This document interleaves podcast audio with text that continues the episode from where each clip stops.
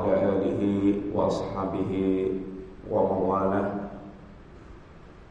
ولا حول ولا قوة إلا بالله أما بعد para asatidah al-fuqala para duat dan para tolabah jamaah sekalian rahimani wa rahimakumullah yang pertama kita bersyukur kepada Allah Subhanahu wa taala yang masih memberikan kesempatan kita untuk bisa berbenah untuk memperbaiki diri kita sebelum kehabisan waktu dalam rangka kita menghadap Allah Subhanahu wa taala. Karena sungguhnya modal utama kita adalah waktu yang Allah berikan kepada kita. Yang setiap kita masih diberikan Allah perpanjangan hidup Artinya kita masih diberikan kesempatan untuk bisa memperbanyak amal Dan memperbaiki apa yang kurang Serta mentaubati apa yang telah kita lakukan dari kesalahan, dosa, maksiat kita. Sehingga kita bercita-cita kembali kepada Allah dalam keadaan bersih, dalam keadaan itu lepas dari segala dosa dan maksiat dan membawa amal-amal yang berkualitas di sisi Allah Ta'ala sehingga bagi seorang muslim Waktu adalah modal pokok yang sangat berharga. Sebagaimana yang Allah banyak ingatkan dalam ayat Dan Nabi ingatkan dalam banyak hadis beliau. Dan para ulama juga telah ingatkan kepada kita. Di antaranya perkataan Al-Imam Ibn Qayyim Al-Jawziyah rahimahullah ta'ala. Beliau ingatkan Ita'atul waktu asyaddu minal maut. Menyanyiakan waktu itu Lebih parah dibandingkan dengan Kematian. Kenapa? Wa inna ita'atul waktu Taqta'uka anillah wa anil Karena dalam menyanyiakan waktu itu Memutuskan kita dari Allah dan dari kampung akhirat. Sehingga menjauhkan kita dan memutuskan kita dari Allah dan kampung akhirat. Semakin jauh dari Allah dan hatinya semakin kehilangan Allah Subhanahu wa taala karena dia jadikan waktunya tenggelam dalam hal sia-sia atau bahkan mendurhakai Allah Subhanahu wa taala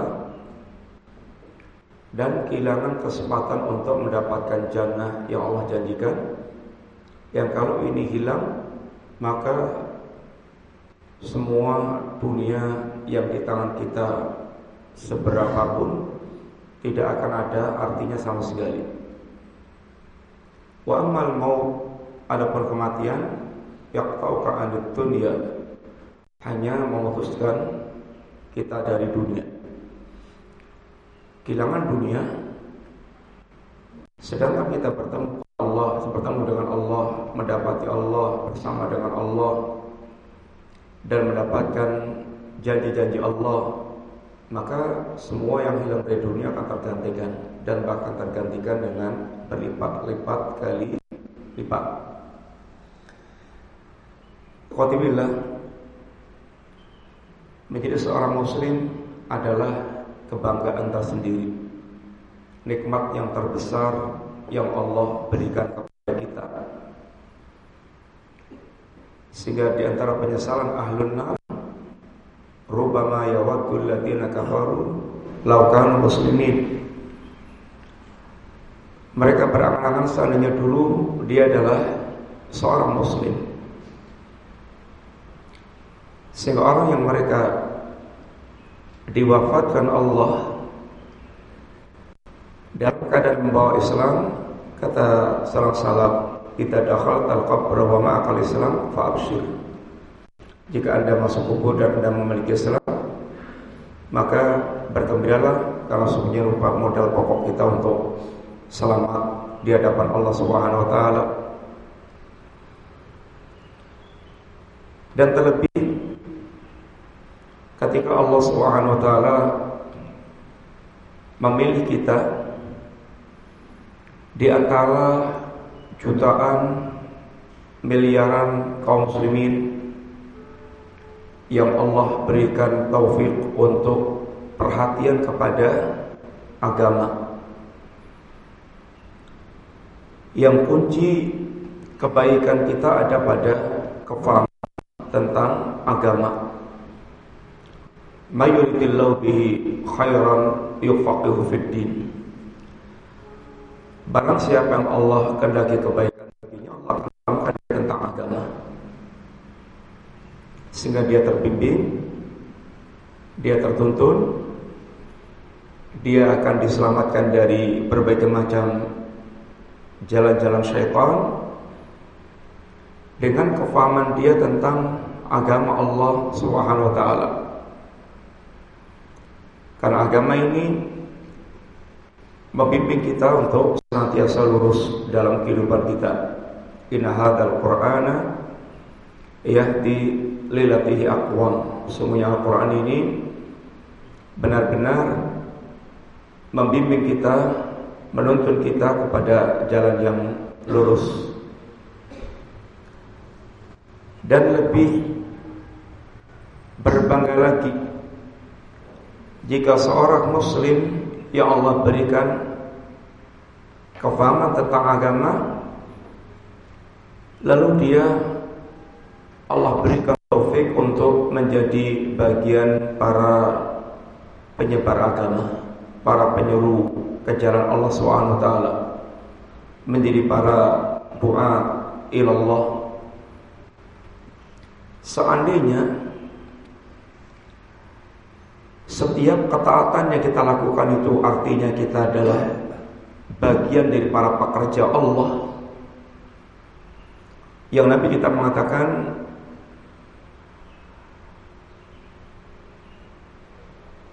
Yang Nabi kita tegaskan, "Idza aradallahu bi 'abdihil khaira istakmalahu." Jika Allah mengendaki kebaikan bagi hambanya, Allah akan pekerjakan hamba itu.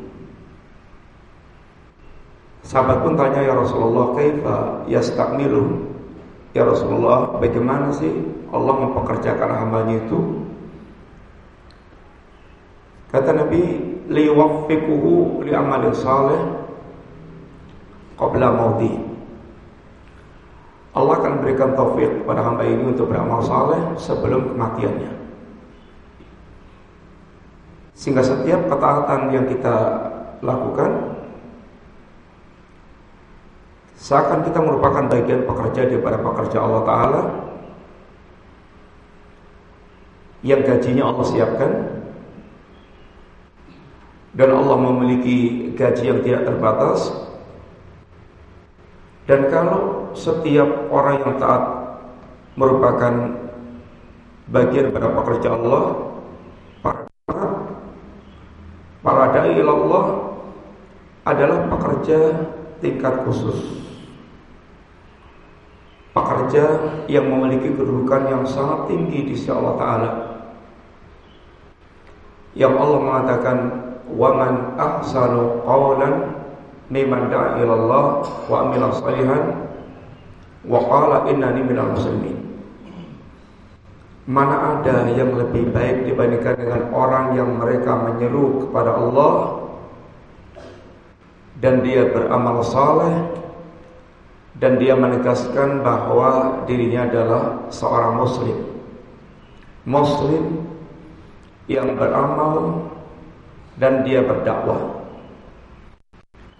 Ini adalah wali-wali Allah yang memiliki kedudukan yang spesial di hadapan Allah Subhanahu wa taala. Seandainya setiap amal ketaatan yang kita lakukan itu adalah barang dagangan yang kita jual, yang pembelinya adalah Allah Subhanahu wa taala yang Allah mengajak kepada kaum mukminin untuk bertransaksi kepada Allah dalam rangka untuk meraih keuntungan-keuntungan yang besar.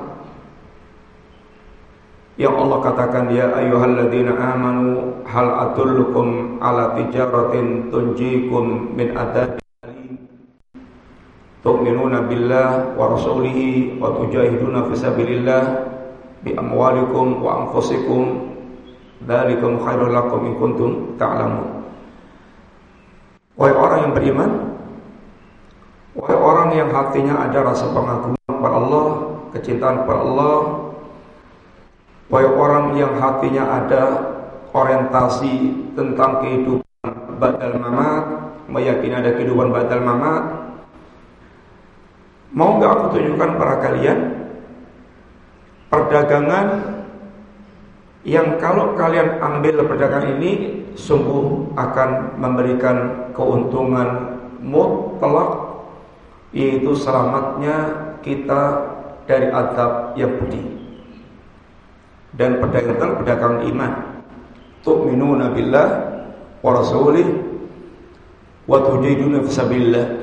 Kalian beriman kepada Allah, pada Rasulnya, berjihad di jalan Allah Subhanahu taala dengan harta kalian, jiwa kalian. Saatnya kalian betul-betul mengetahui tentang perkara itu.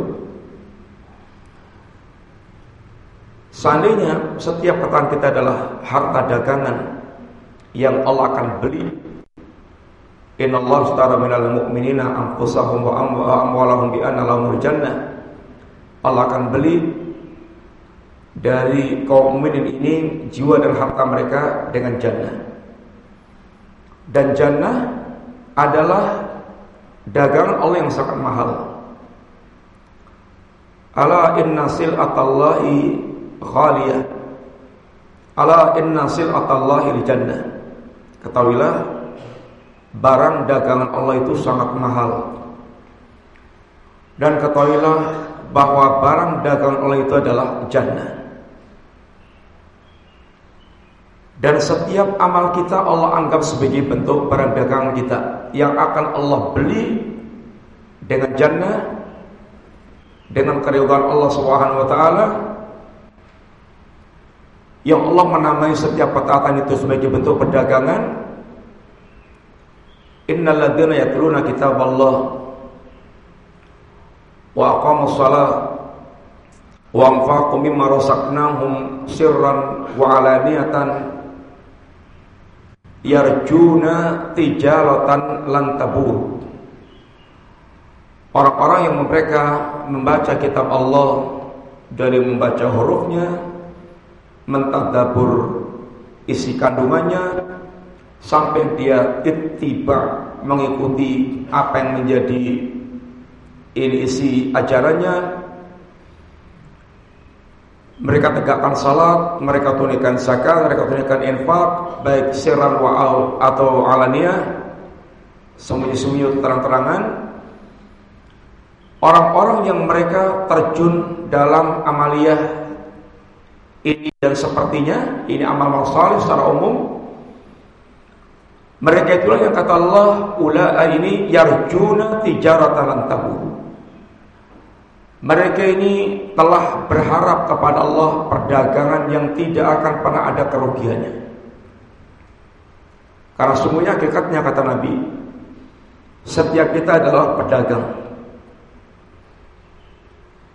Yang Nabi katakan, kullu nasi yakhdu nafsahu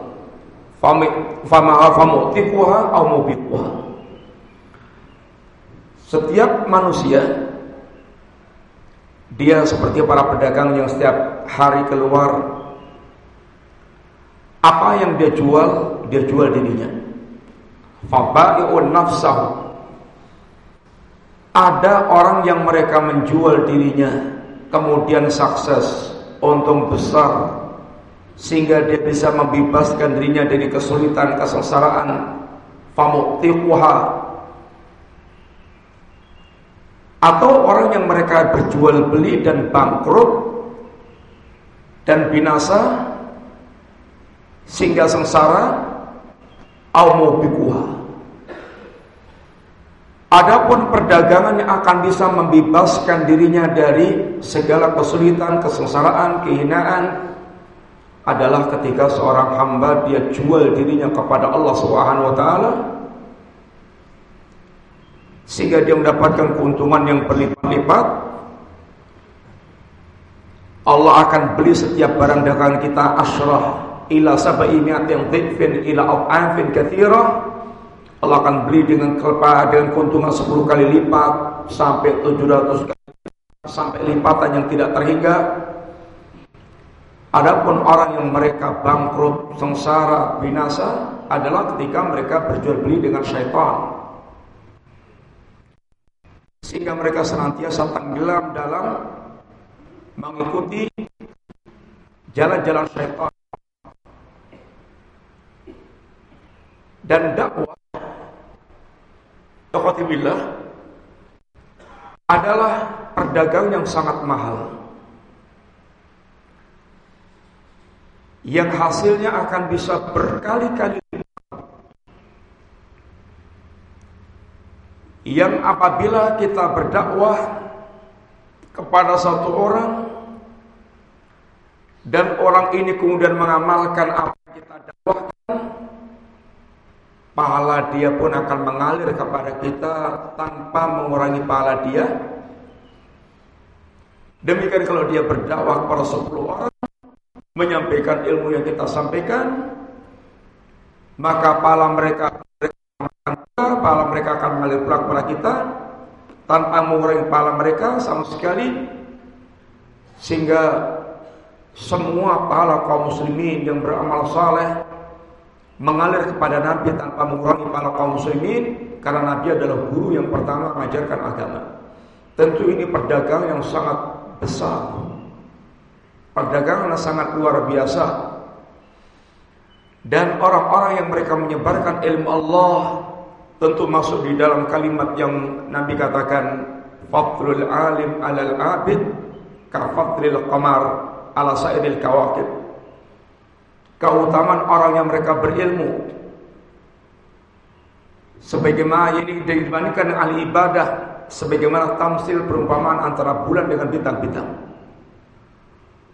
Bintang bersinar tapi miliaran bintang Sinarnya tidak bisa mengalahkan sinarnya bulan. Bulan bersinar dan sinarnya menerangi santro jagat.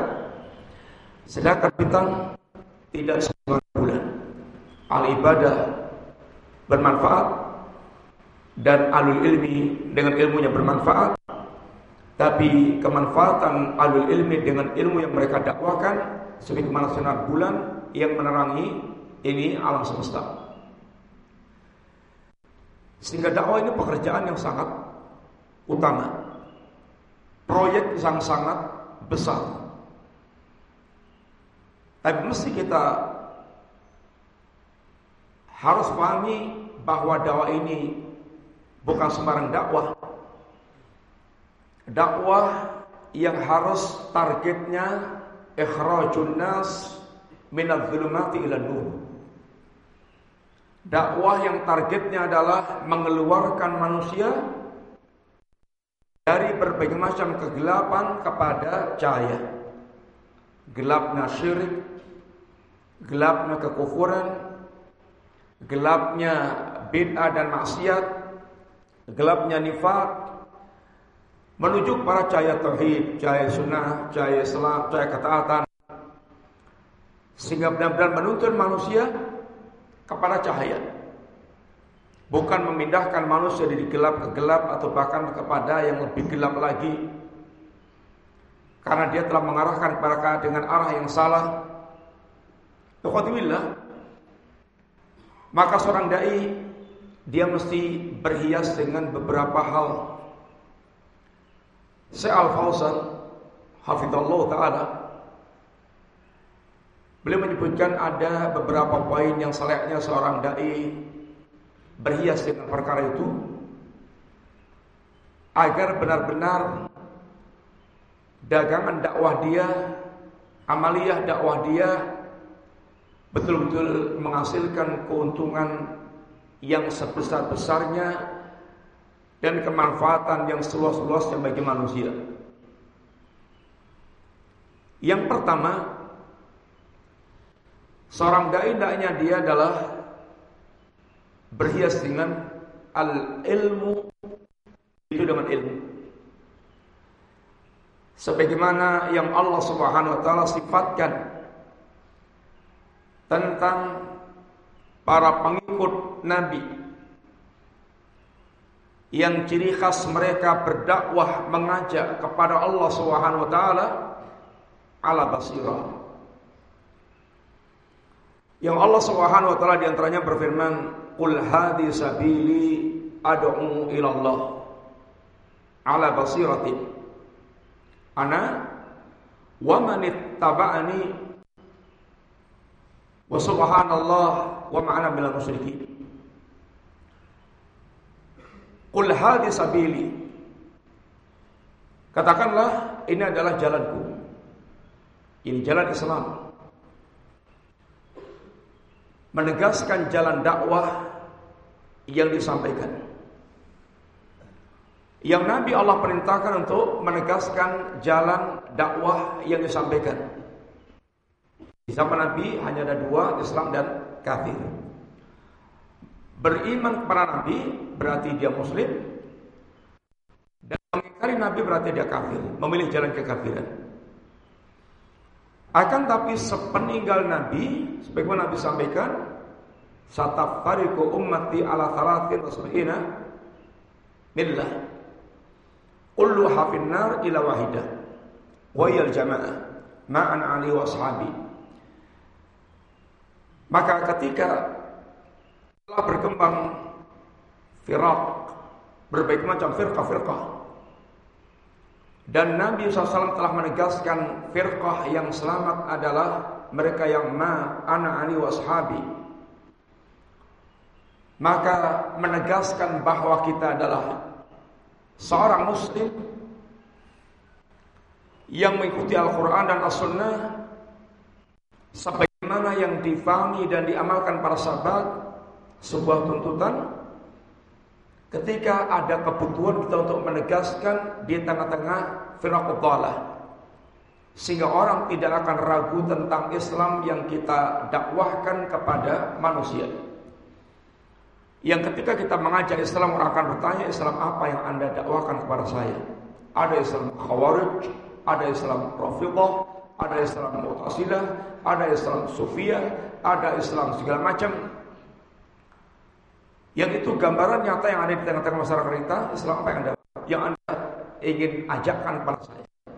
Hati sabili ini jalan jalanku, jalan yang kita pilih adalah jalan Islam, yaitu mengikuti Al-Quran dan As-Sunnah sebagaimana yang telah difahami dan para sahabat Nabi Ridwanullah Jami'an dan orang mengikuti jalan yang para sahabat yang kemudian dikenal dengan istilah Al-Sunnah wal Jamaah atau alul hadid atau taifah atau al-firqatul najiyah atau nama semisal dengan itu yang hakikatnya adalah inilah Islam yang kita ini dakwahkan.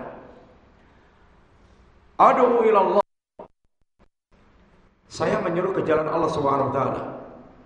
Tidak menyuruh kepada pribadi, tidak menyuruh kepada sekelompok orang, tidak menyuruh kepada golongan, tidak menyuruh kepada Partai tidak menyuruh kepada siapa pun. Kita hanya menyuruh manusia untuk menjadi hamba-hamba Allah. Menjadi Rabbaniyin. Orang-orang yang mereka betul mewujudkan penghambaan kepada Allah. Allah sehingga mendakwahkan semata-mata agar manusia menjadi hamba-hamba Allah Ta'ala. Dan di kalimat ini pula tersirat pesan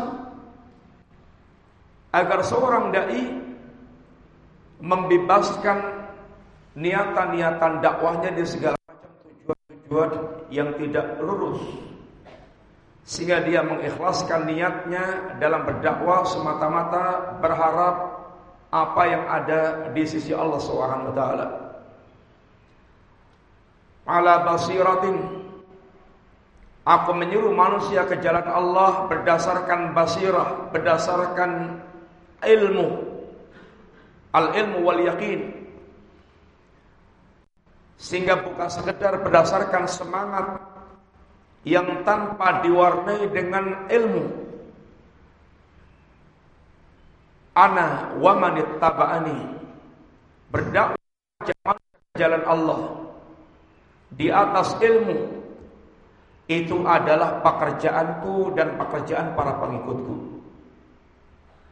Sehingga hakikat pengikut Rasulullah SAW adalah orang-orang yang mereka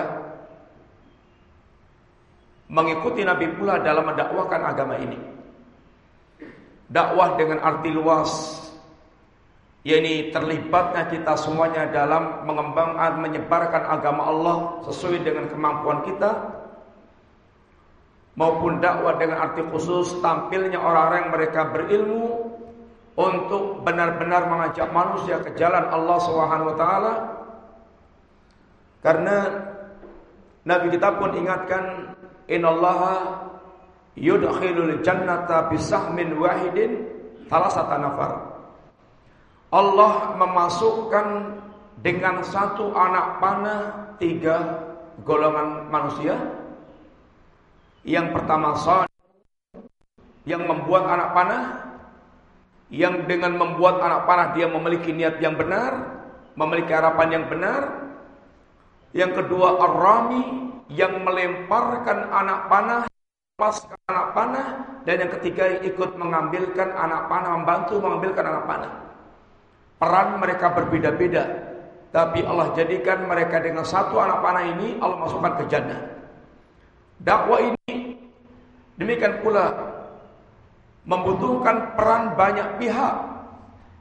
Dari peran penyampai dakwah, dari peran orang yang mereka menyebarkan yaitu ajakan untuk gabung dalam dakwah atau yang memiliki fasilitas yang bisa melancarkan dakwah, semua yang terlibat di sini adalah merupakan bagian yang mudah-mudahan memiliki andil dalam menyebarkan agama Allah SWT sehingga jangan pernah ada alasan tidak bisa berdakwah. Tentu kita mengambil peran sesuai dengan apa yang kita yang Allah mudahkan untuk kita. Apakah dengan ilmu kita, apakah dengan harta kita, apakah dengan tenaga kita, apakah dengan ini pemikiran kita dan seterusnya. Uh, ayat ini satu di antara ayat yang mengajarkan prinsip kita berdakwah hendaknya betul-betul ala basirah. Jadi di atas basirah. Yang para ulama juga mengingatkan bahwa berilmu berkaitan dengan dakwah ini berkaitan dengan pertama ilmu tentang apa yang kita dakwahkan. Yang kedua ilmu tentang kaifiatul tata cara kita berdakwah dan ilmu tentang mad'u. Keadaan mad'u yang kita dakwai. Sehingga seorang dai bagaimana betul-betul ketika dia berdakwah dia sampaikan atau apa yang dia sampaikan yang dia dakwakan adalah betul-betul hidayah. Betul-betul ilmu Jangan sampai kita merasa menyampaikan hidayah padahal yang kita sampaikan adalah dolalah. Jangan sampai kita merasa menjadi dai ilallah sedangkan hakikatnya adalah dai ila syaitan yang mengajak justru kepada berbagai macam penyimpangan-penyimpangan agama di antaranya karena ini tidak berilmunya kita tentang hakikat apa yang kita dakwahkan. Yang kedua, berilmu tentang kaifiatul dakwah, tata cara berdakwah. Yang dakwah ada kaifiahnya, ada tata caranya. Sehingga jangan sampai dia salah dalam berdakwah. Sehingga bagaimana dakwah yang betul-betul tepat, yang penuh dengan hikmah. Yang hikmah itu adalah al-fi'lul ladzi yang bagi fi waqtil lati yang bagi ala wajhil lati yang bagi. Di antara makna hikmah adalah dia yaitu berbuat yang tepat dengan saat pada berbuat yang tepat di waktu yang tepat dengan sasaran yang tepat. Dan itu tentu membutuhkan yaitu ilmu, pengalaman dan gabungan segala macam yang menjadikan dia betul-betul bersikap, tepat dan berilmu tentang mad'u yang kita dakwai. Mad'u kita macam-macam. Ada orang kampungan, ada orang kota, ada orang terpelajar, ada orang yang mereka seperti badui, ada ini orang yang hanif, ada orang yang badung, ada orang yang selalu ingin membantah. Maka kondisi mad'u yang bermacam-macam membutuhkan dia mesti harus memahami ini matu sehingga bagaimana memberikan terapi yang tepat tentang objek dakwah kita. Sehingga Nabi SAW ketika mengutus Mu'ad bin Jabal ke Yaman, Nabi wasiatkan di antaranya ini ah innaka ta'ti qauman min ahli kitab. Ya Mu'ad, engkau akan datangi satu kaum yang kaum ini adalah ahli kitab. Disebutkan Alkitab karena berbeda menghadapi Alkitab dengan non Alkitab. Alkitab mereka yang sudah pernah mewarisi kitab walaupun telah banyak melakukan penyimpangan dalam kitab itu. Intinya ini adalah di antara arahan bagaimana mematu sehingga seorang berdakwah memperhatikan tentang kondisi madu. Kebodohan yang dibawa oleh yang, yang menyelimuti seorang dai ini akan membawa malpetaka. Yang kata Umar bin Abdul Aziz secara umum beliau mengatakan Maya'budullaha bi ghairi ilmin ma yufsitu akthar mimma yuslih. Barang siapa yang dia beribadah kepada Allah Subhanahu wa taala tanpa ilmu, maka kerusakan yang akan dia lakukan lebih banyak, kerusakan yang terjadi lebih banyak dibandingkan dengan kebaikan yang diharapkan. Terlebih apabila itu berkaitan dengan dakwah. Yang kalau sampai dakwah itu dilakukan dengan kebodohan kita, maka boleh jadi kita akan menuntun manusia kepada kesatan dan kepada jahanam yang kita sangka kita menuntun manusia kepada ini kebaikan. Oleh karena itulah Nabi sangat mengingatkan tentang hal ini. Apalagi para doa ilallah yang mengajak ke jalan Allah Subhanahu wa taala jangan sampai menjadi aimatul dalal. Jangan sampai menjadi pemimpin-pemimpin yang menyesatkan manusia. Tapi tidak menjadi aimatul huda, pemimpin yang mengajak manusia kepada petunjuk Allah Subhanahu wa taala. Firaqul rata-rata mereka jauh daripada para ulama dan menghindari para ulama sedangkan Nabi kita mengingatkan al barakatu ma'a kabirihim. Keberkahan kita keberkahan umat ini jika mereka senantiasa bersama dengan para ulama kibar mereka para ulama sepuh mereka. Firaqul dari Khawarij dari Mu'tazilah dan seterusnya rata-rata mereka adalah para pembenci ulama dan meninggalkan ulama. Maka ketika Ibnu Abbas dialog dengan Khawarij, satu di antara yang mengungkapkan Ibnu Abbas, tidak ada seorang sahabat pun yang bersama dengan kalian. Alias tidak ada seorang ulama pun dengan para sahabat yang bersama dengan kalian. Sehingga Khawarij Nabi pula katakan dengan ungkapan sahabat ini sufahaul ahlam. Orang-orang yang mereka dangkal peman agamanya, bodoh tentang ini agamanya, Walaupun mereka para qurra, tapi para qurra yang dikatakan Nabi yaqraun al-Qur'an la yujabisu taraqiyahum. Mereka membaca Al-Qur'an akan tapi tidak melatih tulang tenggorokan mereka. Sehingga mereka kadang-kadang sering berdalil yang tidak pas.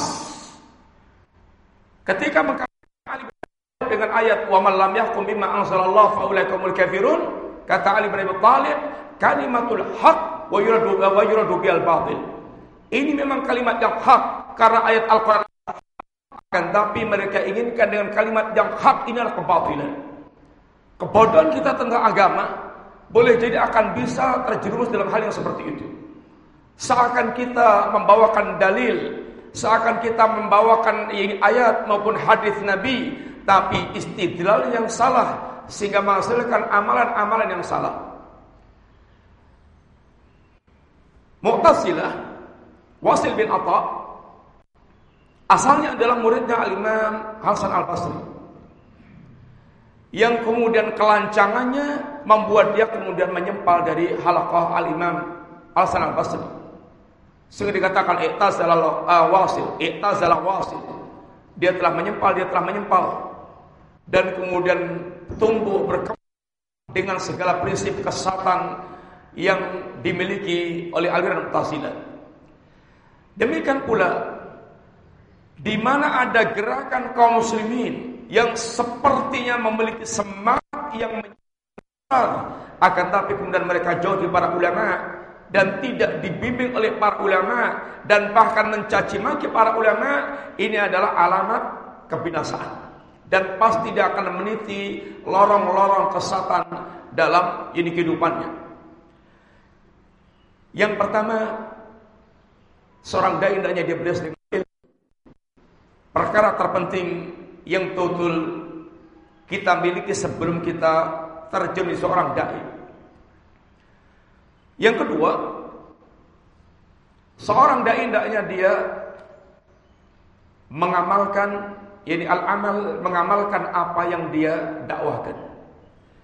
Karena seorang dai adalah kodwah dan uswah. Dan sebagaimana yang bahkan Allah ingatkan para kita banyak ayat dan hadis Nabi yang mengingatkan jika seandainya kita menjadi para penyebar kebaikan, para orang yang memerintahkan kebaikan, lalu kita justru meninggalkan kebaikan itu untuk diri kita. Ya ayyuhalladzina amanu lima taquluna ma la taf'alun. Kabura maqtan indallahi an taqulu ma la taf'alun. Wahai orang beriman, kenapa Anda katakan apa yang tidak Anda lakukan? Sungguh besar kemurkaan Allah Orang terhadap orang yang mereka mengatakan apa, apa yang tidak mereka lakukan. Atakmurunan nasa bil birri wa tansawna anfusakum wa wa wa antum tatluna alkitab afala taqilun atakmuruna nasa bil birri apakah kalian perintahkan manusia kepada kebaikan sedangkan kalian melupakan diri Anda sendiri sedangkan kalian membaca kitab di mana akal kalian? Celaan Allah Subhanahu wa taala. Atau dia akan menjadi khimar yang Allah cela. Sebagaimana orang-orang Yahudi yang Allah cela. Mathalul ladzina humilu Taurata tsumma lam yahmiluha kamathalil khimar yahmilu asfara. Terlebih Nabi mengingatkan dalam banyak hadis beliau. Ketika Nabi diperlihatkan orang-orang yang mereka menggunting-gunting lidah mereka dikatakan siapa mereka ya Jibril man haula ya Jibril kata Jibril khutaba'u ummati mereka adalah para ahli pidatonya di kalangan umatmu. Para khatib-khatib di kalangan umatmu. Yang mereka menyampaikan, mengatakan apa yang mereka sendiri tidak melakukannya. Ahli nar. Mereka sempat berkumpul dan terheran-heran dengan orang yang mereka ini. Dalam keadaan ususnya itu merodol dan dia berputar-putar di neraka dan mengatakan ya fulan masyaknuk wahai fulan apa-apaan dengan apa yang menimpa anda? Bukankah anda dulu orang yang memerintahkan kami berbuat baik bukankah anda dulu orang melarang kami dari berbuat kemungkaran iya amurukum bil ma'ruf wala atihi Wa anhaakum 'anil munkar wa atihi. Iya, aku dulu memerintahkan kalian yang ma'ruf tapi aku tidak lakukan. Aku dulu melarang kalian dari yang mungkar tapi justru aku melakukan kemungkaran itu. Maka seorang dai hendaknya dia berusaha untuk mengamalkan apa yang dia lakukan sehingga menjadi teladan bagi orang apalagi kata orang bahwa seribu kalimat ajakan Anda tidak lebih berkesan dibandingkan dengan satu perbuatan nyata yang Anda tunjukkan. Karena dakwah dengan perbuatan akan lebih mengena, akan lebih berkesan dibandingkan dengan ribuan kalimat yang kita keluarkan. Yang ketiga, hendaknya dia betul-betul senantiasa berusaha untuk memiliki keikhlasan. Dia berhias dengan keikhlasan. Karena ini pula yang akan membuat dakwah kita lebih langgeng. Maka nalillah apa? Barang siapa yang dia berbuat sesuatu karena Allah, pasti dia akan langgeng. Karena dia hanya berharap kepada Allah yang pasti tidak akan kecewa ketika seorang dia berharap kepada Allah taala. Akan tapi ketika harapan-harapan dai itu adalah kepada makhluk baik itu yang sifatnya duniawi, harta, jabatan, kedudukan atau apa yang akan diinginkan dari fasilitas kehidupan dunia dengan dakwahnya itu atau dia inginkan pujian-pujian manusia. Sehingga manusia bertepuk tangan, manusia memuji dia, menyanjung dia sehingga maka ini semuanya akan menjadi ini hal yang akan meruntuhkan nilai dakwah dia. Yang akan membuat dia sempat berguguran di jalan dakwah. Karena orang yang mereka mengharapkan dunianya dengan dakwah yang dilakukan pasti akan banyak kecewa karena berharap kepada makhluk dan makhluk itu fakir. Makhluk itu adalah dia fakir. Sehingga harapan-harapan yang diinginkan dari manusia pasti dia akan banyak mendapatkan kecewaan. Dan dia akan menjadi menengah yang akan menjadikan para dai cepat berguguran di jalan dakwah. Adapun kalau dia memiliki keikhlasan yaitu semata-mata berharap dari Allah dan apa yang diisi Allah Subhanahu taala ini akan menjadikan dia kekal dalam berdakwah. Dan tentu mewujudkan keikhlasan bukan hal yang sangat bukan hal apalagi di zaman yang glamor dengan dunia. Yang dunia menjadi fitnah besar dalam kehidupan manusia. Hanya orang yang Allah berikan taufik. Ada dua kunci yang akan menjadikan seorang memudahkan untuk ikhlas. Yang pertama Pengenalan dia kepada Allah yang menghasilkan pengagungan, kecintaan, kerinduan kepada Allah, ini akan membuat seorang dia akan lebih gampang mewujudkan keikhlasan.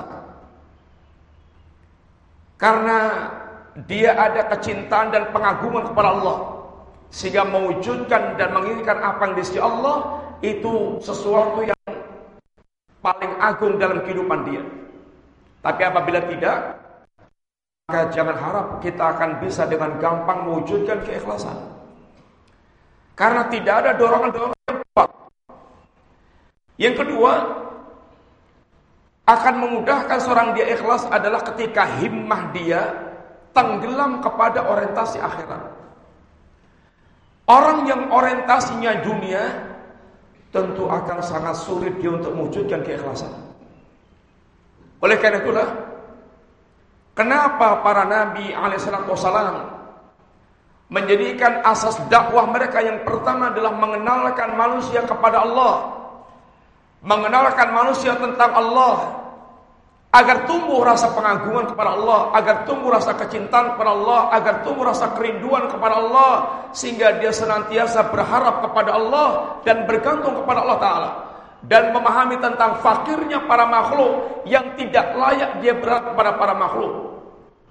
Dan itu pula yang akan membuat dia militan dalam berdakwah. Dia hanya menginginkan apa yang ada di sisi Allah Subhanahu wa taala. Mau dapat dunia, mau enggak dunia. Dia yakin dapat apa yang dijanjikan Allah Subhanahu wa taala, maka dia akan tutul memiliki mentalitas yang baca dalam dakwah dia. Tapi apabila dakwah ini telah diwarnai dengan keinginan di dunia, iradatu dunia bi amalil akhirah, ada niatan-niatan menginginkan dunia dengan amal akhirat dia, maka akan cepat berguguran ini aktivitas dakwah yang dia lakukan. Orang-orang mereka memiliki hikmah akhirat.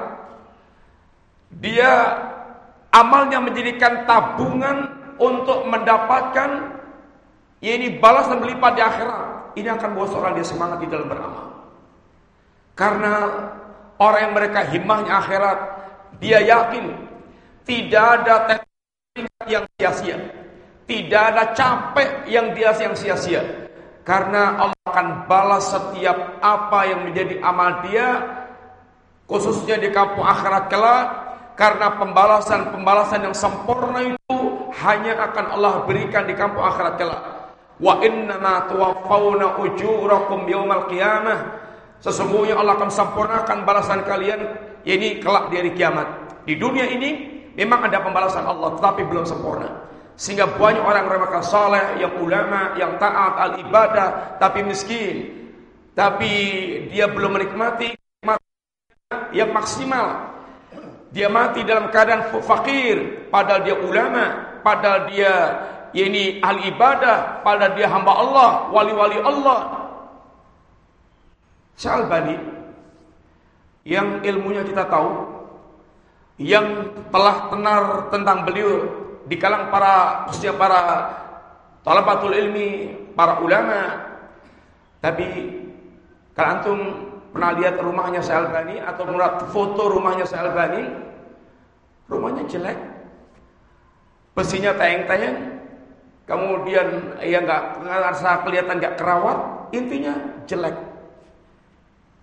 Orang sekelas Syalbani mestinya kalau pemulihan Allah dikaitkan dengan pemberian dunia, ya beli rumahnya gede, kemudian kelihatan mewah, bagus dan segala macamnya.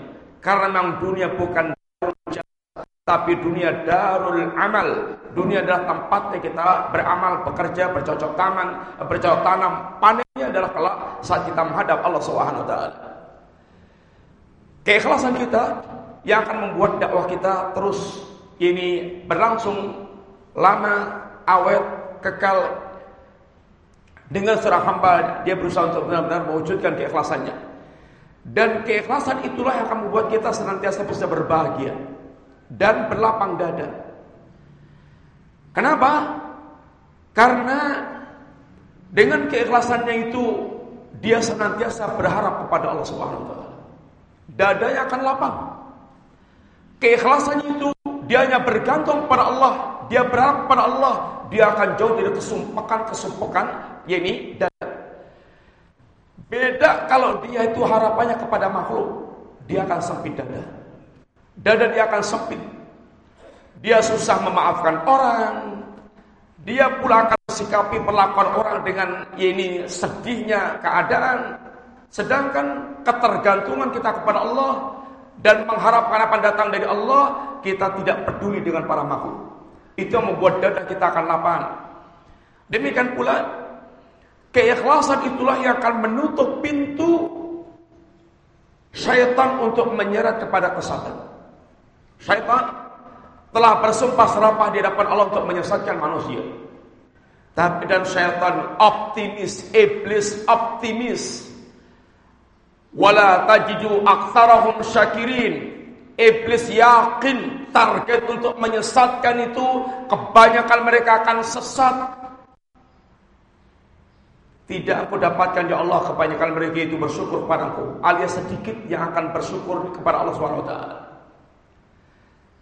Iblis akan putus asa kepada siapa? Illa ibadakal mukhlasin.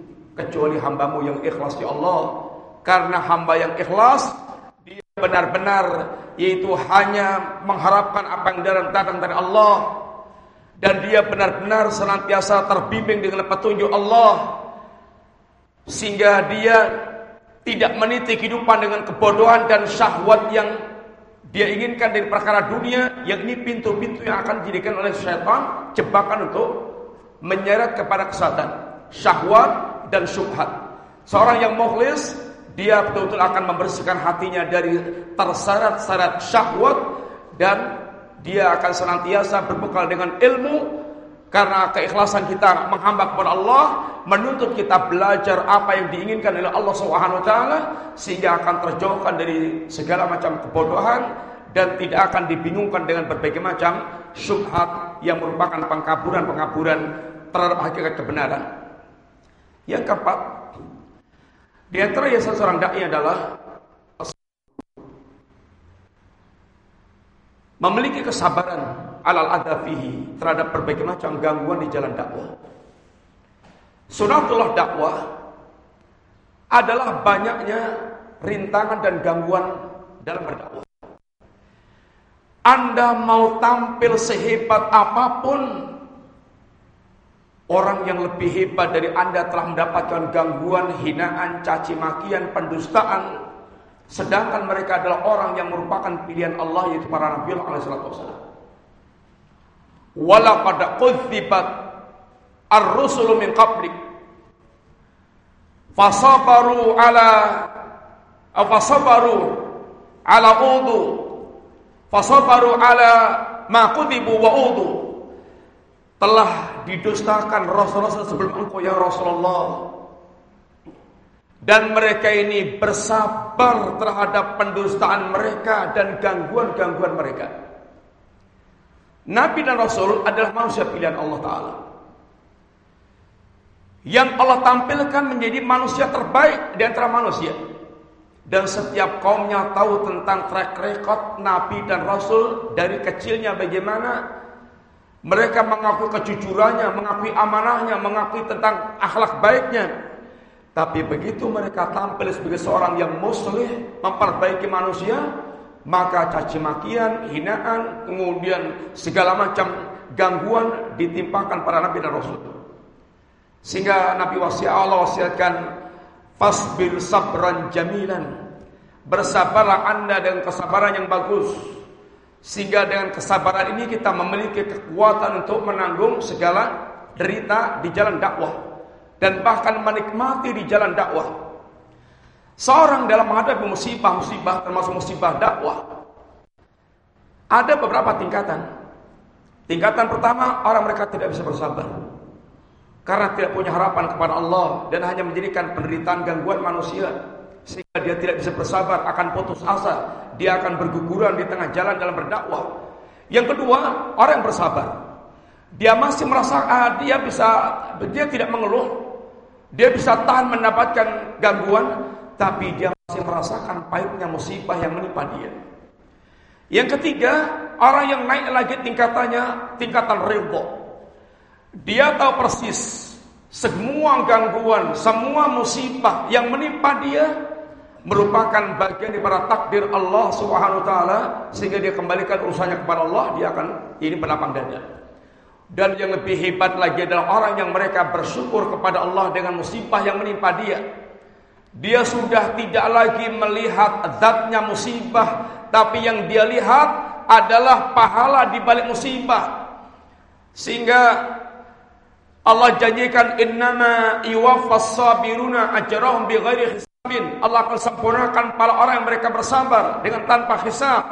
Dan Nabi katakan saat orang-orang yang mereka mendapatkan musibah menerima pahala dari Allah Subhanahu wa taala, orang-orang yang mereka tidak terkena musibah, ahlul afiyah, mereka berangan-angan seandainya kulit mereka digunting-gunting, disayat karena besarnya pahala Allah berikan berahlul musibah. Ya waktu ahlul afiyah lau anna julutahum quridat bil maqarib. Orang yang mereka ahlul afiyah, orang tidak terkena musibah berat, maka mereka berangan-angan ketika melihat ada orang ahlul musibah yang mendapatkan pahala di Allah, seandainya kulit mereka digunting-gunting, disayat.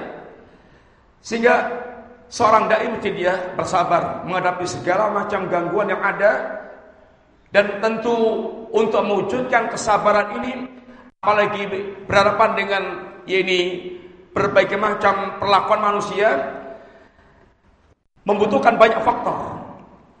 Silahkan Anda pelajari Syekhul Islam Ibnu Taimiyah memiliki risalah ini tentang bagaimana seorang yaitu memiliki kesabaran ala adal khalqi saat menghadapi gangguan manusia. Ada 20 perkara yang beliau sampaikan bagaimana cara mewujudkan kesabaran yaitu dalam menghadapi gangguan manusia. Yang ke berapa? Lima. Yang kelima seorang dai hendaknya tahu ini aham fal aham. Dia awali dari yang terpenting baru berikutnya terpenting yang lainnya. Jangan salah prioritas. Dan tentu dalam hal ini ini ahamul ahamul ahamul umur perkara yang paling penting adalah mendakwakan tauhid. Sepakat Semua para nabi tanpa kecuali. Dan para nabi itu mereka menghadapi masalah yang berbeda-beda. Masalah penguasa zalim, masalah kerusakan masyarakat, moralnya, perilakunya, masalah sosial. Mereka menghadapi segala macam model masalah kehidupan. Tapi tidak ada seorang nabi pun yang mereka terjun dakwah kecuali mereka ajarkan yang pertama adalah mengenalkan Allah, mengajarkan akidah yang harus tertanam dalam hati mereka. Kenapa? Karena ini merupakan poros perbaikan dan kerusakan tauhid merupakan poros kerusakan. Orang berani menjadi penguasa zalim, angkuh, kejam dan keji. Orang berani tenggelam dalam maksiat dan segala macam bentuk kemungkaran karena tidak adanya rasa pengagungan kepada Allah taala. Apa kata Nabi Nuh kepada kaumnya yang Nabi Nuh berdakwah sekian lama 950 tahun dan ternyata hasilnya wala yalitu wala yalitu illa fajiran kafara tidaklah melahirkan anak kecuali telah disiapkan menjadi kader-kader yang kafir, yang fajir. Apa kata Nabi Nuh? Malakum la tarjuna lillahi waqara. Kalian memang orang-orang yang tidak mengagungkan Allah dengan sebenar pengagungan. Sehingga tidak ada yang rasa pengagungan kepada Allah menjadikan orang kemudian terjun bebas dengan hawa nafsunya sesuai dengan perihal mereka. Maka Allah perintahkan pada Musa, "Idhab ila fir'auna innahu tagha." Fakul halaka ila antasakka wa ahdiyaka ila rabbika fatakhsha. Nabi Nuh, Nabi Allah Musa mendatangi Firaun yang melampaui batas dan Musa mengajak untuk membersihkan diri dengan cara mengenal Allah Subhanahu wa taala agar bisa memiliki rasa takut karena tidak mengenalnya Allah orang merasa menjadi orang yang hebat yang yang luar biasa sehingga tampil semaunya karena di antaranya tidak mengenal Allah Subhanahu wa taala. Kemudian yang keenam seorang dai dia berhias dengan al-akhlakul karimah. Banyaknya para sahabat dan manusia tertarik dengan Nabi di antaranya di sisi akhlak. Mereka terkagum-kagum dengan akhlak Rasulullah SAW. Satu di antara yang sudah para orang Yahudi ingin menguji Nabi, semua alamat kenabian sudah dia dapatkan. Tinggal satu di antara itu. Ingin membuktikan bahwa Nabi semakin diperlakukan dengan buruk, dia beliau semakin baik. Dan Beliau dipuji terpuji akhlaknya diakui oleh kawan maupun lawan. Dan Allah dan Nabi kita mengajarkan seorang muslim bahwasanya akhlak itu sangat berkaitan dengan akidah kita. Sehingga Nabi katakan akmalul mu'minina imanan ahsanum khuluqa. Mukmin yang paling sempurna imannya, yang paling baik akhlaknya.